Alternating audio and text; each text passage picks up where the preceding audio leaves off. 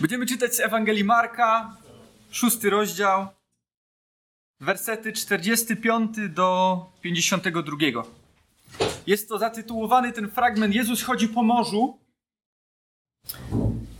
Ewangelia Marka, szósty rozdział, wersety od 45 dalej.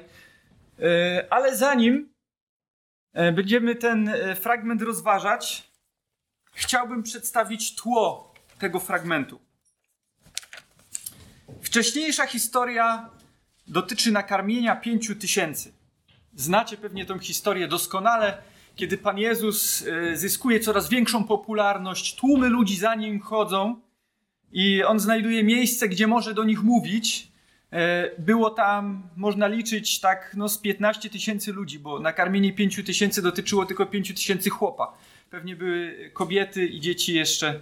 E, tak można szacować.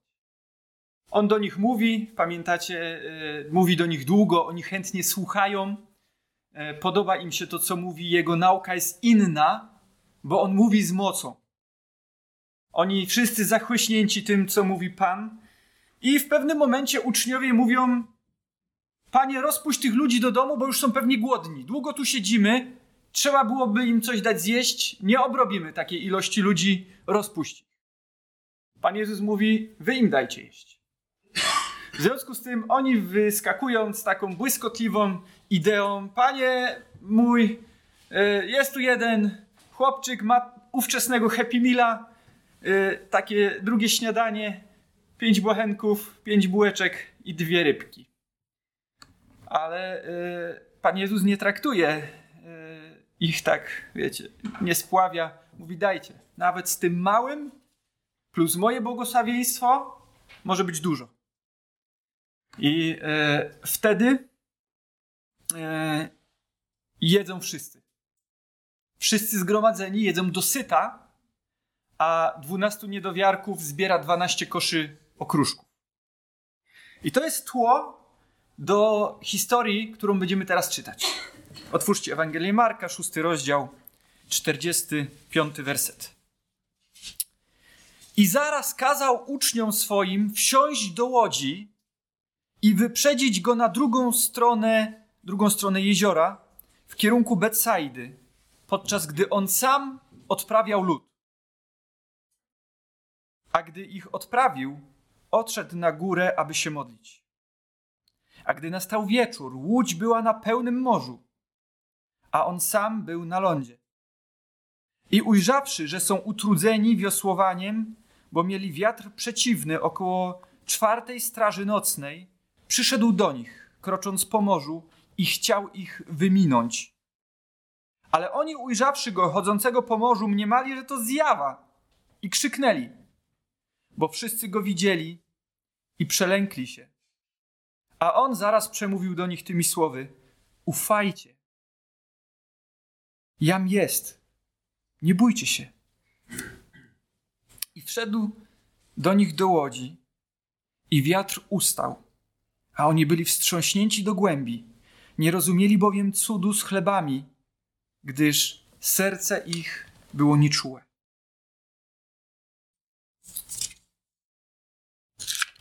Popatrzcie, 15 tysięcy ludzi na jednym miejscu, a Jezus naraz każe swoim pomocnikom, swoim uczniom wsiąść do łodzi. Jest napisane, kazał ich odprawić. E, i sam rozpuszcza lud. Nie dziwne? Miał pomocników po to właśnie, żeby mu pomagali, a on chce ich odprawić. Ewangelista Marek nie wyjaśnia nam, e, co może być przyczyną tego, ale najprawdopodobniej wytłumaczenie znajdujemy w Ewangelii Jana, dlatego że w Mateusza i w Jana jeszcze znajduje się ta historia. Być może ci, którzy sami wcześniej uważali, że Zgromadzeni wokół Jezusa ludzie winni udać się do okolicznych osad, aby zaopatrzyć się w jedzenie. Teraz chcieli ich zatrzymać. Z jakiego powodu uczniowie mieliby to robić?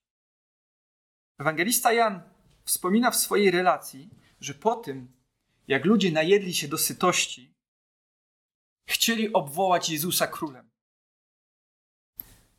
Ewangelia Jana, 6 rozdział, 15 werset, tam to jest napisane. Zgodnie z ówczesnymi wyobrażeniami, Mesjasz miał być władcą, który uwolni naród wybrany od rzymskiego panowania i zapewni mu polityczną pomyślność i dobrobyt. W związku z tym wielkim cudem nakarmienia takiej rzeszy ludzi, wszyscy ci ludzie mieli w głowie tylko jedno: Mesjasz. W tej kategorii wybawca polityczny, król, tak jak oni sobie to wyobrażali. Była to ostatnia rzecz, jakiej Jezus mógłby sobie w tym czasie żyć, życzyć. Była to droga do zdobycia władzy, którą Jezus odrzucił podczas kuszenia na pustyni. Jezus widział reakcję tłumu. On nie chciał, żeby uczniom również udzielił się ten nacjonalistyczny zryw. Dlatego Jezus odesłał uczniów. Sam uspokoił tłum i go odprawił. Jezus zdawał sobie z tego sprawę i dlatego właśnie kazał uczniom szybko odpłynąć, aby nie ulegli jakiejś ludzkiej pokusie i aby zwrócili się ponownie ku sprawom Bożym. Tak właśnie może stać się w naszym życiu. My możemy troszkę Pana Boga na swój sposób przerobić. Bo Panie Boże, Ty mi jesteś potrzebny do tego, do tamtego, do jeszcze innej rzeczy, żebyś mi pozałatwiał sprawy finansowe, żebyś mi pozałatwiał sprawy rodzinne, żebyś mi wszystko tam poprostował, co trzeba. I tak na swój sposób chcemy być z Bogiem. Chcemy go sobie takiego naszego wyobrażonego, e, tak jakby to Pan Bóg miał być dla nas, a nie my dla Boga.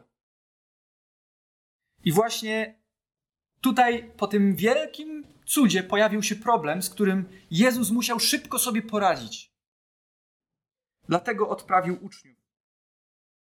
Tym razem, co prawda, uczniowie odpłynęli, ponieważ im kazał, ale tak naprawdę oni oddalili się od niego już wcześniej, duchowo. Nie rozumieli jego słów, jego nauki i jego czynów. Kiedy został sam, poszedł na górę.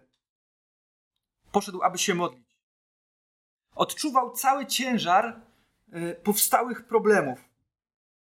Odczuwał wrogość zatwardziałych Żydów, niepokojącą podejrzliwość Heroda,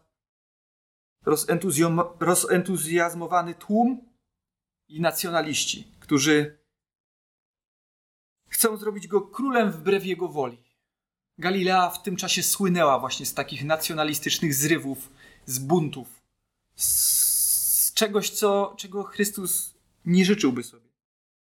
I on czuł, że to wszystko nie idzie w tym kierunku. Że on przyszedł przekazać im nową jakość. Chciał im powiedzieć o nowej relacji z Bogiem, bo wcześniejsza zupełnie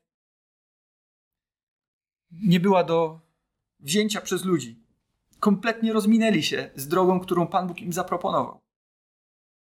I teraz przychodzi, chce im powiedzieć o nowej drodze, a oni dalej mają swój sposób na Boga. Czy ty masz twój sposób na Boga? Jaki jest twój sposób na Boga, że się tak wyrażę? Twoje wyobrażenie Boga, tego jaki On jest, jaki ty masz być względem niego, jaka ma być wasza relacja? Czy to wyobrażenie wypływa z prawdy Słowa Bożego, czy z Twoich wyobrażeń, lub może tradycji, lub jakichś przekazów, które zostały Ci gdzieś e, wpojone? Czy to w domu, czy to w szkole, czy to w społeczeństwie? Jezus potrzebował rozmowy z Ojcem, by wrócić na właściwe tory by móc dalej służyć, by móc dalej pracować. Jest to dla nas cudowny przykład tego, co mamy robić, gdy czujemy ciężar na naszych barkach. Patrzcie, on cały dzień nauczał, cały dzień był w służbie, cały dzień poświęcił. Potem jeszcze musiał tych ludzi rozpuścić, ujarzmić ich zapędy i nie poszedł spać, chociaż pewnie był zmęczony jak. Zmęczony. Chciałem dać przykład, ale może nie na miejscu. Wrócił do ojca zamiast do łóżka, bo wiedział, co jest ważniejsze.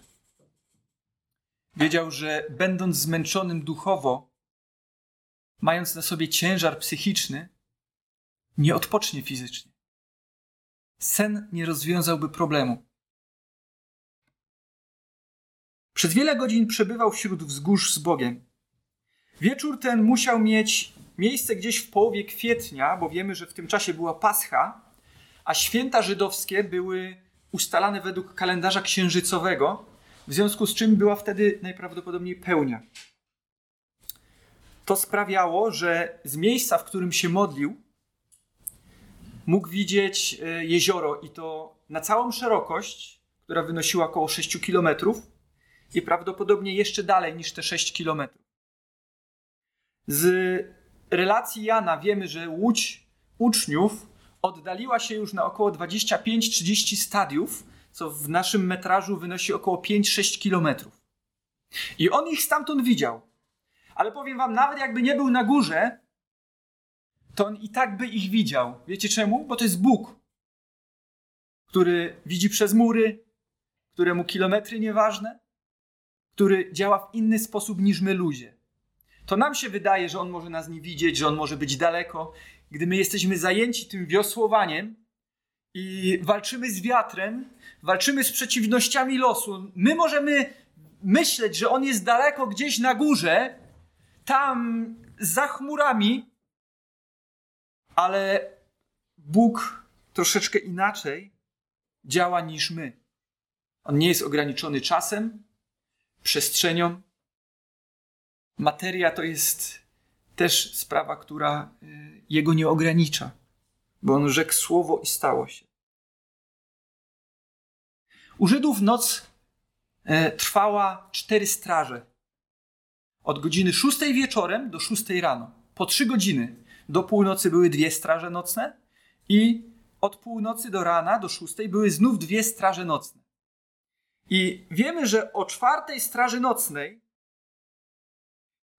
Pan Jezus, gdy zobaczył, że oni są utrudzeni, że wiatr jest silny, że łódź stawia opór, widzi tą załogę walczącą z falami, on idzie do nich. On zauważył problem i on udał się w ich kierunku. Gdy nastał wieczór, łódź była na pełnym morzu. On sam na lądzie. A ujrzawszy, że są utrudzeni wiosłowaniem, bo mieli wiatr przeciwny około czwartej straży nocnej, przyszedł do nich. Patrzcie. Podejrzewam, że on ich wypuścił, gdy jeszcze było jasno, a oni wiosłowali, gdy jeszcze było ciemno. Godziny wiosłowania, żeby dostać się na drugi brzeg. Pewnie by sobie poradzili. Pewnie dopłynęliby gdzieś nad ranem, może do południa, nie wiem, ile tam jeszcze im zostało. Ale on widział ich trud. Kiedy tylko Jezus zobaczył swych przyjaciół borykających się z żywiołem, odsunął na bok własne problemy i poszedł, aby im usłużyć. Czas modlitwy się skończył, a Jezus idzie, aby pomóc tym, którzy go potrzebują. Taki właśnie jest Jezus. Mimo, że się wydaje odległy. W tej chwili w sposób szczególny oni mogli czuć się opuszczeni. Pewnie byli rozgoryczeni, że nie wykorzystuje okazji, aby ogłosić się wobec ludzi Mesjaszem. Czemu tego nie zrobił? Taka sposobność, taka sytuacja, tyle ludzi naraz. Wreszcie jest szansa. Wszyscy nagle idą za nim, zobaczyli cud. Co jest nie tak? I wiosłują i myślą. I wiosłują i myślą.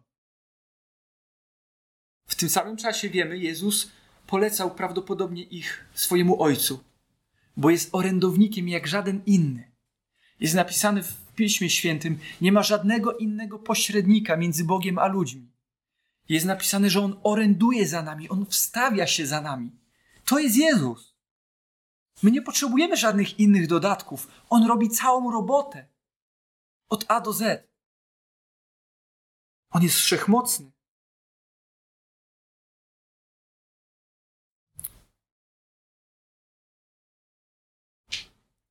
Jezus przychodzi do nich. Chociaż znajdowali się na środku jeziora, to Jezus widział ich trud, ich przeciwności, ten wiatr. Pan, gdy nawet na chwilę nie. Pan nigdy, nawet na chwilę nie spuszcza nas z oka. Interweniuje, gdy wieje przeciwny wiatr, ale patrzcie, pozwolił im wiosłować całą noc. Jest w Piśmie Świętym taki piękny fragment, który mówi: Dotąd nie przyszło na was pokuszenie, które byłoby ponad wasze siły. Ale Bóg jest wierny i z pokuszeniem da nawet wyjście. Ja myślę, że to był moment, kiedy kończyły się ich siły kiedy oni bili się ze swoimi myślami, ze swoim rozgoryczeniem, czemu Jezu nie poszedłeś za tym zrywem? Kiedy już ręce im odpadały od wiosłowania całą noc. On widział, że oni już są na skraju. I że to jest ten moment, w którym on musi pojawić się w ich życiu. Mamy tutaj taki dziwny fragment, nad którym dyskutowaliśmy z Nadią. Bo jest napisane, że chciał ich minąć. Zwróciliście kiedyś na to uwagę? Chciał ich minąć. Ja myślę, że on nie chciał ich wyprzedzić. Chociaż takie myśli nam mogą się pojawić, gdy wyrwiemy fragment z kontekstu. On nie chciał przejść obok, w sensie, żeby im nie pomóc. Ale tak samo jak kiedyś przeszedł przez, przed Mojżeszem, przeszedł obok. On musiał ich wyminąć. Wiecie czemu? Bo oni zdążali w jednym kierunku. Oni byli zafiksowani na jednej rzeczy. Oni mieli dotrzeć do celu. I oni walczyli z tymi przeciwnościami dnia, wiosłowali. Oni cały czas szli w tym kierunku i oni nie wiedzieli, co dzieje się tu z boku i z tyłu. On musiał minąć ich, wyjść przed nich. Stąd wysnuwam taki wniosek, bo wcześniej jest napisane, że zauważył ich utrudzonych. I nagle zrezygnował z tego, co robił i poszedł to dlatego on nie chciał ich minąć i zostawić, i pozostawić samymi sobie, bo taki nie jest Bóg. On dopuszcza nasz trud. On pozwala nam wiosłować przez całą noc. Ale gdy sytuacja już tak się piętrzy, że już rzeczywiście czujemy się bezsilni, on wtedy przychodzi do nas z pomocą. Wiecie czemu? Żebyśmy nie byli z siebie tacy dumni, że znów daliśmy sobie radę. Że znów byliśmy panami sytuacji. Że znów wyszliśmy z tego obronną ręką.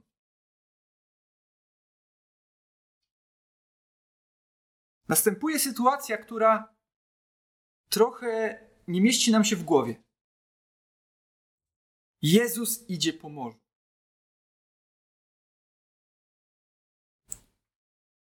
Jezus idzie po morzu? Próbowaliście kiedyś chodzić po wodzie? Niektórzy próbowali się ślizgać. Jakieś pięć lat temu taki e, jeden z większych iluzjonistów e, w Londynie e, chodził po Tamizie. Tamiza, dobrze mówię, tak? Nie pomyliłem. Diabeł też chce podrabiać Boga. On próbuje go wystawiać na pośmiewisko, ale już w księdze Joba dziewiątym rozdziale, w ósmym wersecie jest napisane: On sam rozciąga niebiosa, kroczy po głębinach morskich. To był wyznacznik Boga. To był wyznacznik tego, że on nie jest tylko jakimś wielkim przywódcą, jakimś Kimś, kto byłby w stanie poprowadzić naród i wyrwać go z niewoli. Pan Jezus pokazuje im swoją boskość. Wiecie, jaki był największy problem w tej sytuacji? 52 wiersz. Nie rozumieli bowiem cudu z chlebami, gdyż serce ich było nieczułe.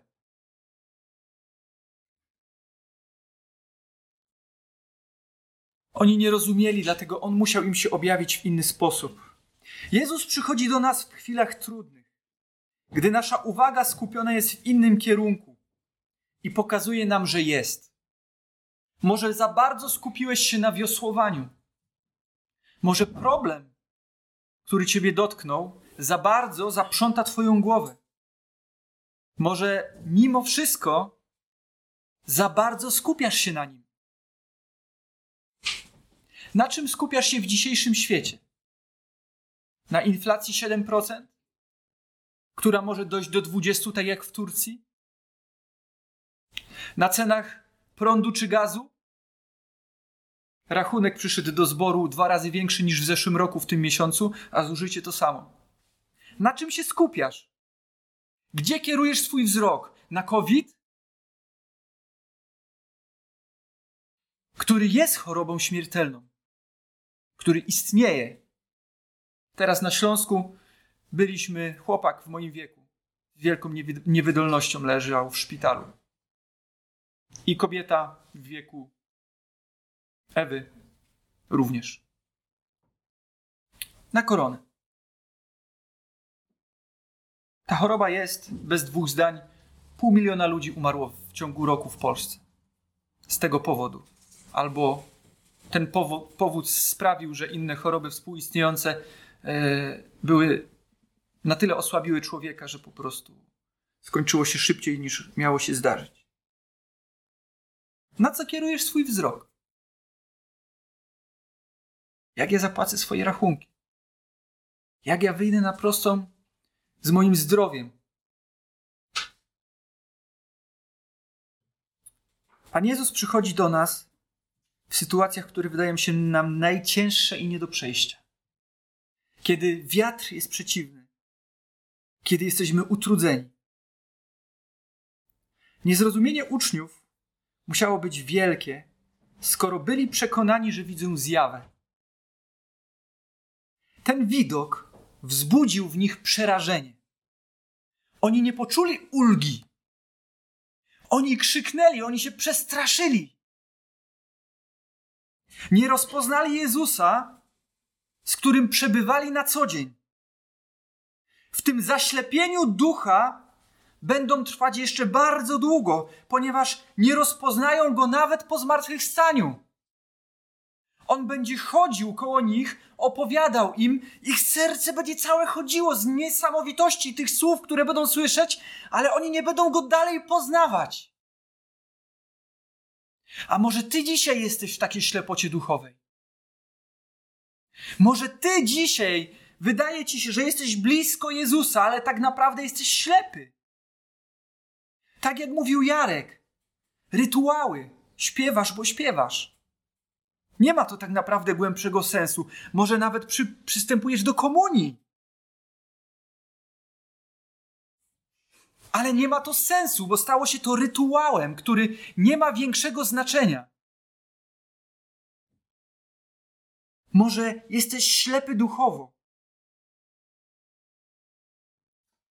Dlatego właśnie miejsce niezrozumienia w przypadku uczniów zajął strach. Jezus przychodzi i on nie mówi do nich: E, co wy tu robicie? Co z wami jest? Mówi do nich: Hej, wy, co najbliżej mnie powinniście być. Dwunastu was wybrałem, a co wy robicie? Jak wy się zachowujecie? Nowych dwunastu se wybiorę. Co? On przychodzi do nich, znając naturę człowieka wiedząc jaki jesteś, wiedząc jaki jestem. On przychodzi, wiedząc jacy my jesteśmy niestali, jak często upadamy na nowo i na nowo, potrzebując za każdym razem na nowo przebaczenia. To dlatego zbawienie nie jest z uczynku. bo nie jesteśmy w stanie ani na to sobie zarobić dobrymi uczynkami, ani złymi zaprzepaścić tego zbawienia. My byśmy to popsuli raz, dwa. Dlatego prawo nie sprawdziło się, zakon mojżeszowy się nie sprawdził, bo człowiek nie był w stanie przestrzegać tych wszystkich rzeczy. Dlatego Pan Bóg daje nam zbawienie z łaski. Mimo, że obecność Pana manifestuje się w tak rzeczywisty sposób, człowiek często pozostaje nadal w świecie iluzji, rozczarowany Bogiem, mający otępiały umysł, zatwardziałe serce, oczy na uwięzi. Tak właśnie czuli się ci uczniowie. To był powód, dla którego prawdopodobnie oni nie rozpoznali Jezusa. Ale także Żydzi, którzy skazali Mesjasza na śmierć. Przyszedł do swojej własności, ale swoi go nie przyjęli. Przegapili. Byli duchowo ślepi. Pan Jezus przychodzi dzisiaj do ciebie i mówi: Odwagi, nie bój się. Ja jestem. Najpiękniejsze słowa, które mogą, możemy usłyszeć w sytuacji grozy, trwogi, strachu, zmęczenia, wyczerpania, rozczarowania. To są najpiękniejsze słowa, które możemy usłyszeć. Odwagi. I to nie słowa Maćka albo kogokolwiek. Twojego najlepszego przyjaciela, ale słowa tego, który ma moc nad wszystkim, który panuje nad morzem, nad wichrem i nad każdą inną rzeczą. On przychodzi do ciebie i mówi: Odwagi. Ja jestem, nie bój się. W jakim zatem znaczeniu miałby ich minąć, skoro przychodzi do nich z takimi słowami? Skoro przestraszonych uspokaja w taki sposób? owa chęć minięcia posłużyła właśnie do tego, żeby oni go zauważyli i wydali ten okrzyk, żeby wreszcie coś nimi tak wstrząsnęło, żeby przestali patrzeć w tym jednym kierunku. Tak się zakręcili, że stracili możliwość zauważenia ratunku. Chociaż był tak blisko. Jezus przynosi dziś to samo pocieszenie wszystkim zatrwożonym i bojaźliwym. Czy kiedykolwiek w chwili strachu zwróciłeś się do Jezusa i pozwoliłeś, by On cię pocieszył? Gdy powierzamy Mu z ufnością swoje życie, przekonujemy się, że nie mamy się czego bać. Jeśli czynimy Go Panem naszego życia, on objawia nam coraz większe rzeczy. Podobnie jak objawienie Chrystusa nie skończyło się w betlejemskiej stajence, ale rozwijało się, pogłębiało coraz do większego, do coraz to większego objawienia. Kiedy żył, umarł i zmartwychwstał. Przeraża cię przemoc panująca w świecie? Lękasz się przyszłości z powodów finansowych? Przygniata cię choroba, perspektywa starości? Pamiętaj słowa Jezusa: odwagi. Ja jestem. Nie bój się. Chociaż może widziałeś w Twoim życiu jakiś cud, byłeś świadkiem. Może nawet na równi takiego jak rozmnożenie chleba. Może nadal nie potrafisz pojąć, kim jest Jezus. Wielu z uczniów wątpiło nawet wtedy, gdy Jezus powstał z martwych. Nie dowierzali. Ale pomimo swoich słabości, pomimo swojego zwątpienia, uczniowie zdołali wytrwać. Co ich podtrzymywało? Co sprawiło, że byli właśnie gotowi nawet na śmierć? Otóż przyszedł do nich Bóg. Kiedy trudno było im uwierzyć w Jego zmartwychwstanie, On ukazał im się, umocnił ich i polecił głosić światu Ewangelię. To Jego obecność dała im moc i męstwo do wytrwania. Często i my sami, podobnie jak uczniowie, czujemy się znużeni ciągłą walką z życiowymi burzami. W Psalmie 33, w wersecie 16 jest napisane: Nie uratuje króla liczne wojsko, ani wojownika nie ocali wielka siła. Nie uratuje króla liczne wojsko, ani wojownika nie ocali wielka siła. Nawet gdyby Kaczyński powołał nas wszystkich, mężczyzn i kobiety, do swojej służby wojskowej, którą niedawno wymyślił, to jemu to może nie wystarczyć. To niezależnie od tego, jak wiele masz i jak bardzo jesteś zabezpieczony, niezależnie od tego, ile masz na swoim koncie. Dzisiaj pieniądz jest warty, jutro może już nie być. Możemy być w nowym roku milionerami i twoje miliony na koncie staną się nagle bezwartościowe. Może dzisiaj jesteś zdrowy, jutro wyjdzie ci co innego. Nie opieraj swojej ufności na rzeczach ulotnych, a szczególnie na rzeczach, nad którymi nie masz żadnej kontroli. Bo masz? Kto z nas ma? Widzimy, jak ograniczone są nasze możliwości, i wtedy nabieramy przekonania, że tylko Bóg może nam pomóc. Choć nie możesz zobaczyć Jezusa, bądź pewien, że On wie o wszystkim, co dzieje się w Twoim życiu. On patrzy na Ciebie tak, jak z brzegu patrzał na apostołów.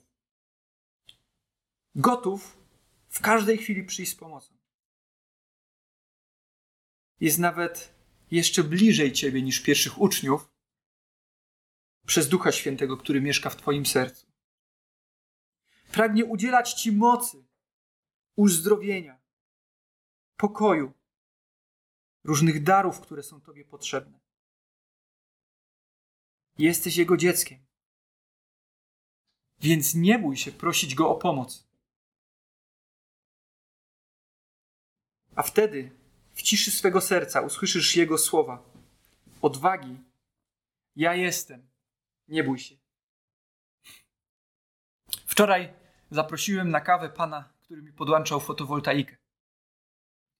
I mogłem mu powiedzieć, jak byliśmy w sytuacji bezsilności, kiedy nasza córka dusiła się e, w ogromnym smogu, w którym żyliśmy, kiedy leki nie działały, a my nie wiedzieliśmy, co zrobić. Kiedy próbowaliśmy sprzedać dom, a nie umieliśmy tego domu sprzedać. Kiedy ktoś nam pomógł, kupił dom i pozwolił nam w nim zamieszkać. Kiedy przyprowadziliśmy się tutaj i ona nie ma problemów z oddychaniem. I mogliśmy mówić mu o tym, że w sytuacji bezsilności, bo on spytał się, co was, wy to jesteście odważni, nam powiedział. Ja mówię, nie, my byliśmy zdesperowani. I my modliliśmy się do Boga, co zrobić. I on dał nam przekonanie, że zostawić dom, który wreszcie wyremontowaliśmy po 8 latach, że zostawić firmę, którą przez 10 lat żeśmy rozwijali, że to jest krok, który y, mamy zrobić. I Pan Bóg dał nam pewność, że się zatroszczy, gdzie będziemy mieszkać, że się zatroszczy, jak będziemy zarabiać. Chociaż straciłem firmę, padła. Ale dał mi nową pracę w hotelu, którą straciłem, bo przyszła pandemia. Ale dał mi nową pracę. Wiecie czemu? Bo Bóg dba o swoje dzieci. On dopuszcza pewne sytuacje, on chce pozwolić, żebyśmy przeżyli pewne sytuacje, żebyśmy doświadczyli Jego ogromnej mocy. Żebyśmy nie byli tacy, a dopłynęliśmy, wiatr był niezły, nie? To był wiatr. Daliśmy rady, nie?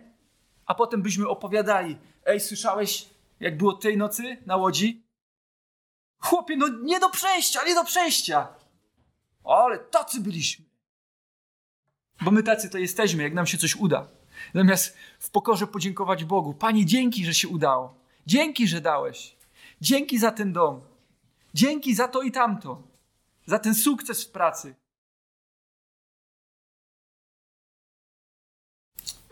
Pan Bóg dopuszcza pewne sytuacje.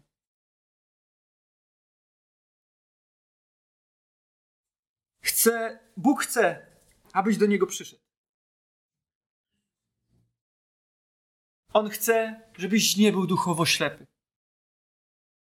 Może upłynęło już sporo czasu, kiedy ostatni raz modliłeś się. Nie martw się tym, Jezus dalej czeka na ciebie. Świadomość popełnionych grzechów nie powinna powstrzymywać cię przed zwróceniem się do Jezusa. Może myślisz, tyle lat minęło, ja tyle narobiłem w życiu. Wielu z Was nie uwierzyłoby, jakbym Wam poopowiadał, ile ja narobiłem w życiu. Taka właśnie jest miłość Boża. Przyjmuje każdego. Oby Duch Święty rozniecił Twoją gorliwość, wypalając wszystkie przeszkody i przeciwności. Czy możesz w życiu uczynić coś lepszego niż pobiec do Jezusa?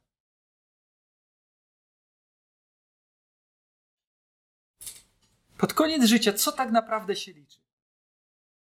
Co tak naprawdę ma wartość? Dzisiaj obecność Jezusa jest tak samo realna, jak była 2000 lat temu, kiedy chodził po ziemi. Ten, który uzdrawiał chorych, rozmnażał chleb, chodził po wodzie, dziś czeka na ciebie. Tak, na ciebie. Ten, który powstał z martwych i wstąpił do nieba i oręduje za tobą. Codziennie oręduje za tobą. Wyciąga do ciebie ramiona. Pobiegnij dziś do niego. Amen.